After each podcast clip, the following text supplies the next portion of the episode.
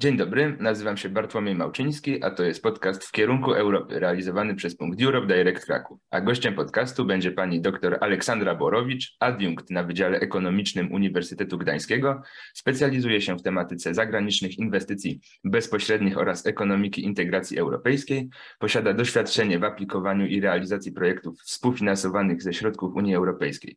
Członek zarządu oraz skarbnik w Polskim Stowarzyszeniu Badań Wspólnoty Europejskiej, członek eksperckiej sieci Team Europe przy Komisji Europejskiej powołany na lata 2019-2024 oraz kierownik studium podyplomowego Pozyskiwanie, realizacja i rozliczenia pro, y, projektów europejskich prowadzonego na UG. W latach 2005-2010 pracowała w Instytucie Badań nad Gospodarką Rynkową. Autorka i współautorka publikacji z dziedziny zagranicznych inwestycji bezpośrednich oraz integracji europejskiej. Dzień dobry. Dzień dobry, dziękuję za zaproszenie. Czym jest polityka spójności i jak wpływa na wspólnotę europejską?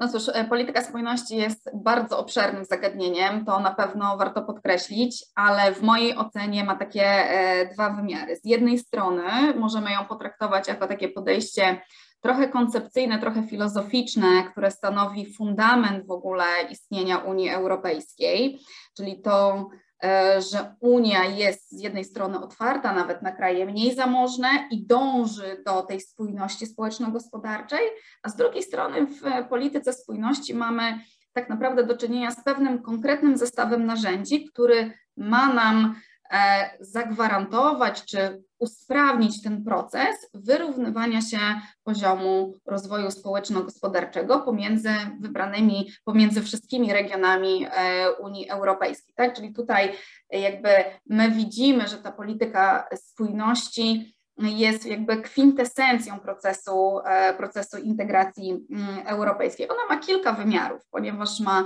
zarówno wymiar taki regionalny, czyli tutaj właśnie to wydatkowanie środków poprzez e, taki kanał regionalny, ale również strukturalny, czyli ta, to oryginalnie tak naprawdę w polityce mm, Unii Europejskiej miało swoje odzwierciedlenie, czyli walka z pewnymi niedogodnościami czy nierównościami strukturalnymi, walka z nadmiernym bezrobociem w regionach, które przechodzą zmiany strukturalne. I to były te elementy, które już w latach 70. były realizowane przez e, ówczesne e, ówczesne wspólnoty e, europejskie właśnie w ramach polityki regionalnej. Także tutaj to budowanie konkurencyjności przez pryzmat wyrównywania poziomów rozwoju gospodarczego jest jakby kwintesencją polityki spójności, o której tak dużo dzisiaj my słyszymy.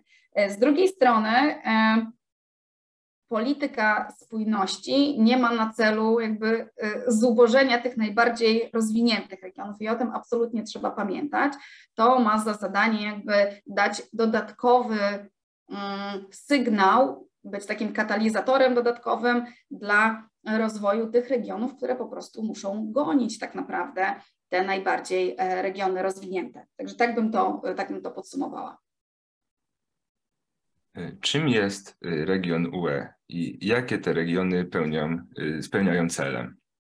E, regiony UE, czyli te słynne jednostki, takie nomenklatura europejska, czyli tak zwane regiony NAC, e, tak, to są regiony, które zostały wyodrębnione geograficzne, natomiast one odzwierciedlają takie jednostki, które da się wyróżnić pod względem gospodarczym. Tak?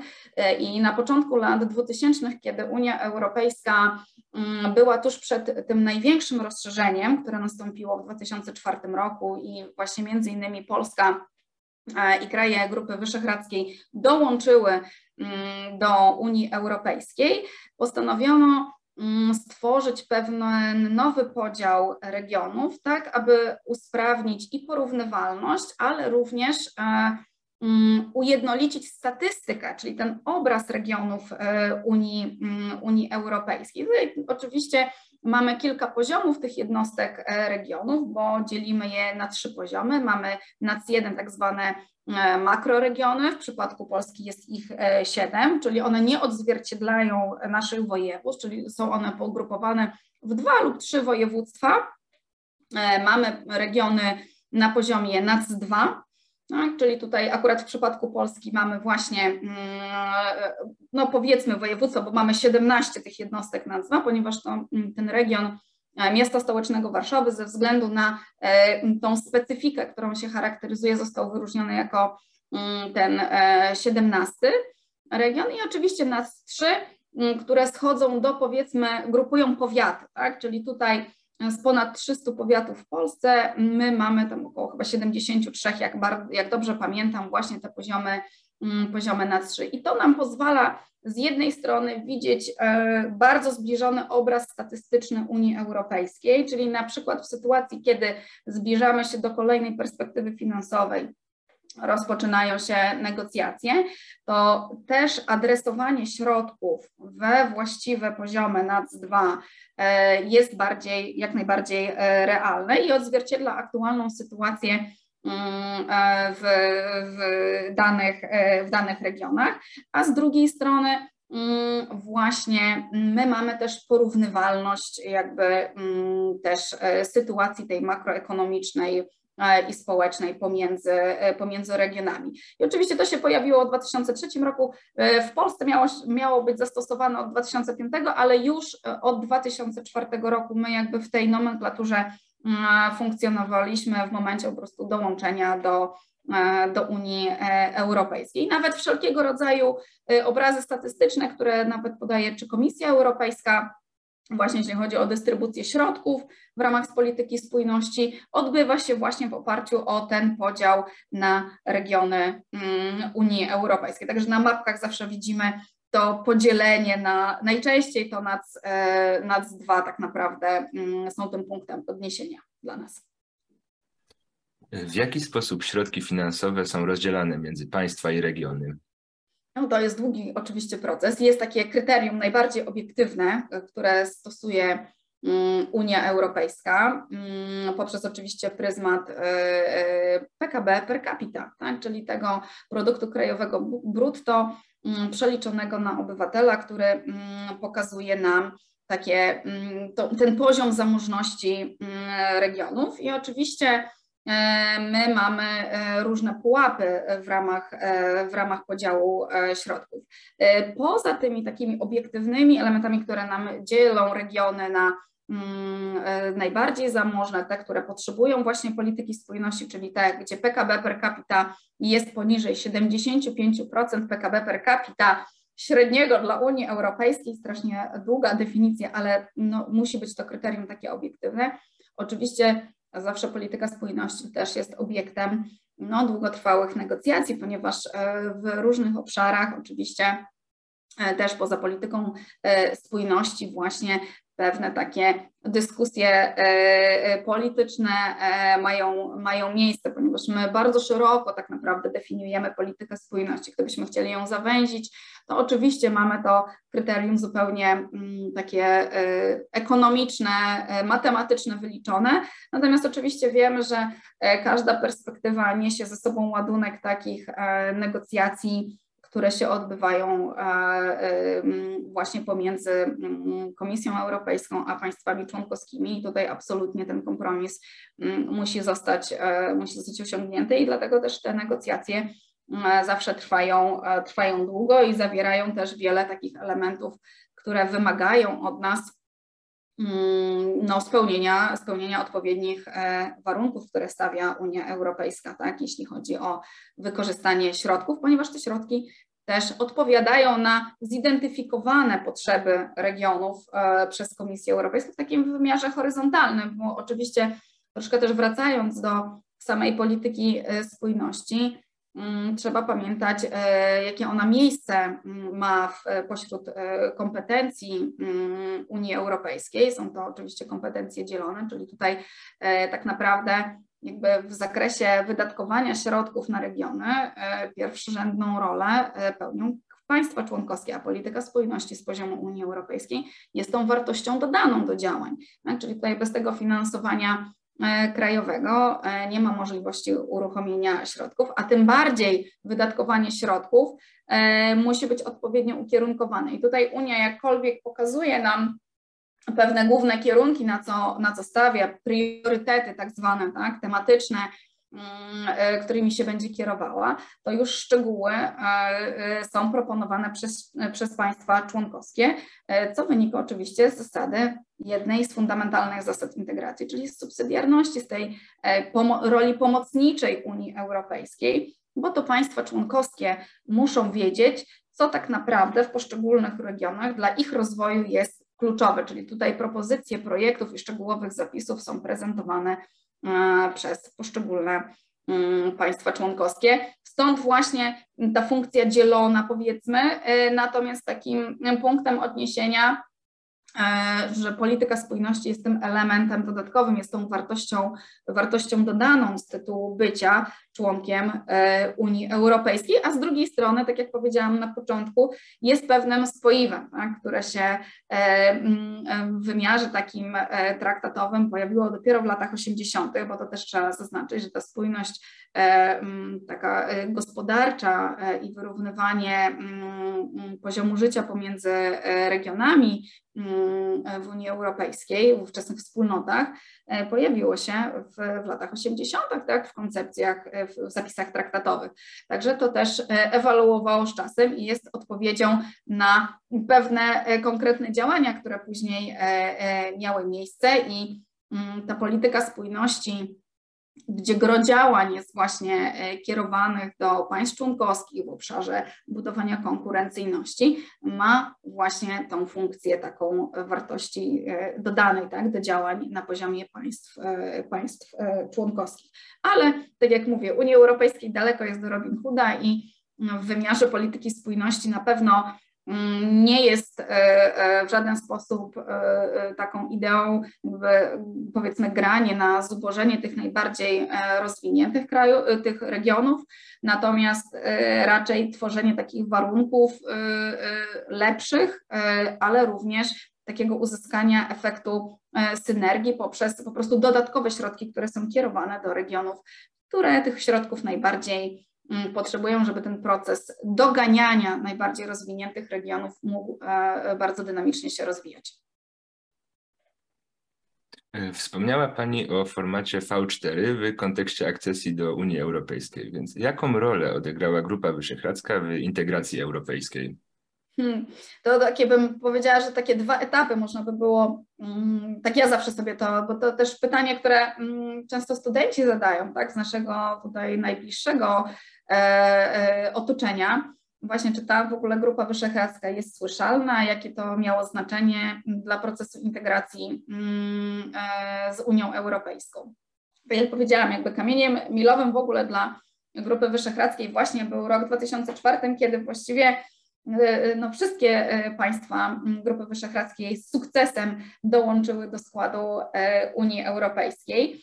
Natomiast trochę ten, ten, automatycznie ten czas do dziś, od czasu powstania Grupy Wyszehradzkiej, moglibyśmy podzielić właśnie na ten czas przed byciem członkiem Unii i po. I tak naprawdę to są trochę dwa różne mm, okresy, bo oczywiście bycie w nawet nieformalnym porozumieniu, jakim jest Grupa mm, Wyszehradzka, y, przed byciem członkiem Unii Europejskiej y, wywierało pewną presję, wywoływało pewne zainteresowanie też naszym ugrupowaniem, tym bardziej, że stworzono ten środkowoeuropejski y, obszar handlowy, tak, który też interesował starą, starą powiedzmy Unię 15, E, jeśli chodzi o ten wymiar ekonomiczny, ale to też wspieranie się mm, wzajemne w tym procesie integracji było kluczowe. Jakby nie patrzeć dla Unii Europejskiej, mm, dołączenie, e, powiedzmy sobie, już zintegrowanej grupy krajów też usprawniało proces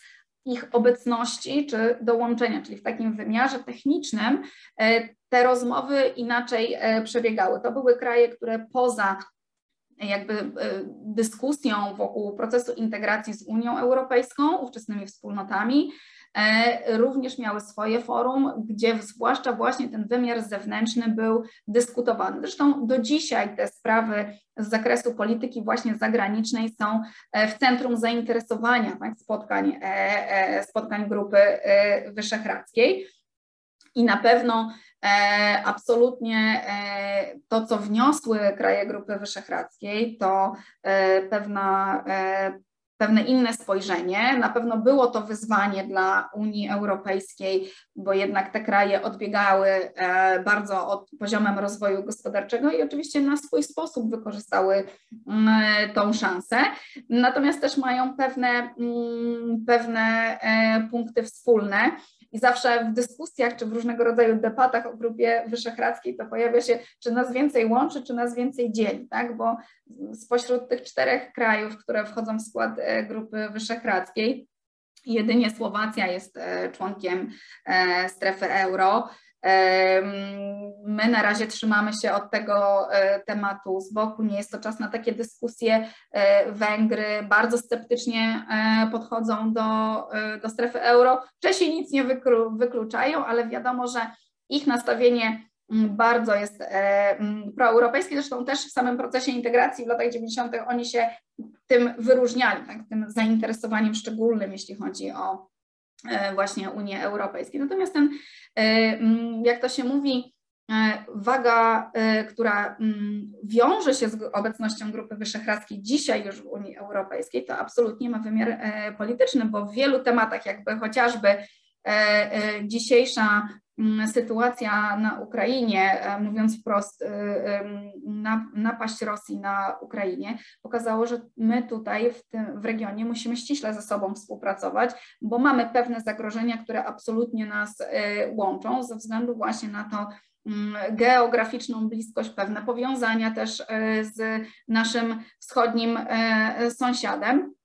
I w wielu komentarzach pojawia się e, wręcz wyliczenie, tak, jakie ma znaczenie w wymiarze politycznym, e, chociażby pod względem reprezentacji liczby ludności, to jest około 12% liczby wszystkich obywateli Unii Europejskiej, więc też e, na pewno Grupa Wyszehradzka zawsze jest obiektem zainteresowania w różnego rodzaju negocjacjach. Na ile będzie wspólny front, na ile można od razu Grupę Wyszehradzką w jeden wspólny, że tak powiem, mianownik e, włożyć, jeśli chodzi o głosowania e, w Radzie Unii Europejskiej. To są zawsze mm, takie elementy, które w szczególności interesują tą sferę właśnie mm, e, polityczną, a sam proces, y, który wydarzył się po, y, po już y, wejściu Grupy Wyszehradzkiej do Unii Europejskiej, no pokazał, że doskonale sobie świetnie i świetnie poradziły te kraje, jakby e, z wykorzystaniem tej szansy, jaką dostały. Są graczami, jeśli chodzi o napływające inwestycje zagraniczne, nie tylko z Unii Europejskiej. E, Niemcy są dla większości tych krajów e, głównym partnerem handlowym i inwestycyjnym. Mm, y, to są te kwestie, które wiążą się chociażby z eksportem i importem do krajów Unii Europejskiej. Te wzrosty, jak dobrze pamiętam, to 19-krotny wzrost eksportu, 16-krotny wzrost importu od lat 90. do dzisiaj. Także to są naprawdę imponujące wyniki. Mm, I oczywiście na swój sposób każdy, y, każdy kraj wykorzystał tą szansę w bardzo pozytywny mm, sposób i wydaje się, że na pewno, e, zwłaszcza e, w 2004 roku, ta Grupa Wyszehradzka była rdzeniem e, dla krajów, pośród tych krajów, które Mm, poza nami wchodziło, bo oczywiście mamy kraje nadbałtyckie, mamy Grupę Wyszehradzką i kraje, które, mm, mm, które właśnie gdzieś bliżej lub dalej współpracują, ale to były te jakby regiony geograficzne, o których, o których też się dyskutowało. Natomiast w wymiarze politycznym, tak jak powiedziałam, absolutnie Grupa Wyszehradzka zawsze jest takim oczkiem w głowie polityków właśnie na ile uda się już e, w V4 osiągnąć kompromis w danym temacie, czy będzie jakiś podział, bo oczywiście nie zawsze te interesy są e, spójne. E, natomiast jednak też ta tożsamość, która i historia, która za nami stoi, powoduje, że, że te dyskusje zawsze są wśród zainteresowania tak naprawdę polityków, polityków europejskich. E, kolejny obszar tematyczny, który chciałem poruszyć, dotyczy Unii Walutowej i jak inflacja wpływa na strefę euro. Można powiedzieć, że inflacja na strefę euro tak negatywnie wpływa jak na wszystkie inne państwa, nawet jak nie są w strefie euro, ale oczywiście jest to pewna specyfika, z którą mamy do czynienia. Oczywiście pytanie, z którym się zderzamy na co dzień, to właśnie czy Mm, to w tej strefie euro to jest lepiej z tą inflacją, czy nie jest lepiej? No, dane statystyczne pokazują, że na pewno jest bardziej stabilnie i ta zmienność e, mm, czy wzrost inflacji oczywiście jest mniej e, dynamiczny, natomiast jest to zróżnicowane. Tak? Inflacja jako to zjawisko e, wzrostu cen dóbr, dóbr konsumpcyjnych, ale również usług, liczona rok, rok do roku no, y, zakłóca nam cały mechanizm rynkowy. I niezależnie, czy my mówimy o mm, strefie euro, czy mówimy o krajach, które poza mm, strefą euro aktualnie y, przebywają. Na czym to polega? Na tym to polega tak, że każdy ze swojego punktu widzenia patrzy, zakładając, że ma 100 zł do dyspozycji, to y, w sierpniu zeszłego roku mógł kupić więcej produktów w tym samym sklepie, oczywiście w tym samym jakby zestawie aniżeli e, w tym roku. I to jest ta inflacja, która zaburza naszą percepcję też i pewną stabilność przewidywania naszej sytuacji e, ekonomicznej. I jeżeli patrzymy na gospodarstwa domowe, to jakby jest to to samo odniesienie, co dotyczy przedsiębiorstw, tak, które muszą planować e, swoje inwestycje, swoje oszczędności, pewne zapasy, którymi dysponują. I nie tylko oczywiście to, co wydarzyło się mm, w lutym e, tego roku, czyli napaść Rosji na Ukrainę dzisiaj nam ciąży, choć widać, że no, w danych takich szczegółowych, jeśli chodzi o inflację e, w strefie euro, jest to bardzo mocno widoczne, o czym za chwilę e, też powiem, ale mm, też mm, spowodowało tak naprawdę, że musiała w Europejskim Banku Centralnym y, zmienić się całkowicie polityka. My przez 11 lat mieliśmy do czynienia z y, ujemnymi stopami procentowymi e, w strefie euro, e, czyli zupełnie inną e, sytuację. Oczywiście te dyskusje jak teraz będziemy sobie, jak strefa euro sobie z tym poradzi. Nie wiem, czy są optymistyczne, bo z jednej strony widzimy, że jest światełko w tunelu mm, jakby zmniejszenia w kolejnym roku tej e, spadku tej inflacji. E, natomiast e, jest też kwestia kryzysu czy recesji, jeśli chodzi o mm, gospodarkę. To zróżnicowanie, z którym strefa euro ma do czynienia, jest czymś zupełnie normalnym. Tak? Nawet w pojedynczym państwie mamy do czynienia z inflacją różną w różnych regionach bo e, nawet tak jak po Polsce się przecież poruszamy, to mamy wrażenie, jak ja wyjadę z Gdańska, bo jestem z Gdańska przecież i pojadę do Warszawy, to powiem, o tutaj jest zdecydowanie drożej, tak? Czyli ja tą swoją inflację też odczuwam e, poruszając się e, pomiędzy regionami, także to zróżnicowanie jakby jest procesem naturalnym. Natomiast Europejski Bank Centralny zawsze będzie zainteresowany tą średnią dla wszystkich i oczywiście będzie widział pewne odchylenia, tak jak aktualnie mamy mm, sytuację w przypadku Estonii, Łotwy i Litwy, które tam skrajnie tak naprawdę powyżej 20 mają już te e, wskaźniki na koniec lipca, jak dobrze pamiętam. Ale tutaj zdecydowanie oczywiście mm, dominuje e, ten wzrost cen e, energii, jeśli chodzi o koszyk, tak, który znajduje się właśnie w badaniu dotyczącym, mm, dotyczącym inflacji. Także to jest na pewno duże wyzwanie. Natomiast Europejski Bank Centralny w lipcu po raz pierwszy właśnie podniósł stopy procentowe mm, i przewiduje się, że w jego dyspozycji e, wcale nie ma dużych, e, dużych możliwości, tak? E, dlatego że, że eksperci się też wypowiadają, że żeby utrzymać jakby też wzrost gospodarczy, żeby on się pojawił, żeby strefa euro mm, nie wpadła w recesję, to do dyspozycji jest jeszcze gdzieś tam 100 punktów bazowych dla, w rękach Europejskiego Europejskiego Banku Centralnego. Natomiast już dzisiaj też strefa euro e, ma więcej narzędzi związanych chociażby mm, z obligacjami, które może nie w całej strefie euro wykupować, tylko powiedzmy sobie asymetrycznie w poszczególnych państwach członkowskich za ich e, zgodą. Także tutaj ten wpływ też na rynki finansowe został, mm, e, został umożliwiony. Natomiast ta, ta przyszłość jest pod dużym znakiem zapytania. Natomiast co ciekawe jest, to na pewno odejście od tej klasycznej inflacji cenowej, którą my widzimy, tak, że tam 8,9% w strefie euro, w Polsce 15,6, jak dobrze pamiętam, czy 15,9, tak, za, mm, zaraz będziemy mieli nowe dane, także zaraz będzie to zweryfikowane. E, natomiast ta inflacja bazowa, która nam z tego koszyka zabiera te kwestie energetyczne, żywnościowe, czyli to, co najbardziej dzisiaj nam waży e, w koszyku e, badanym, I tutaj e, no, strefa euro e, automatycznie ma inflację na poziomie, w zależności od źródła, 4-5%.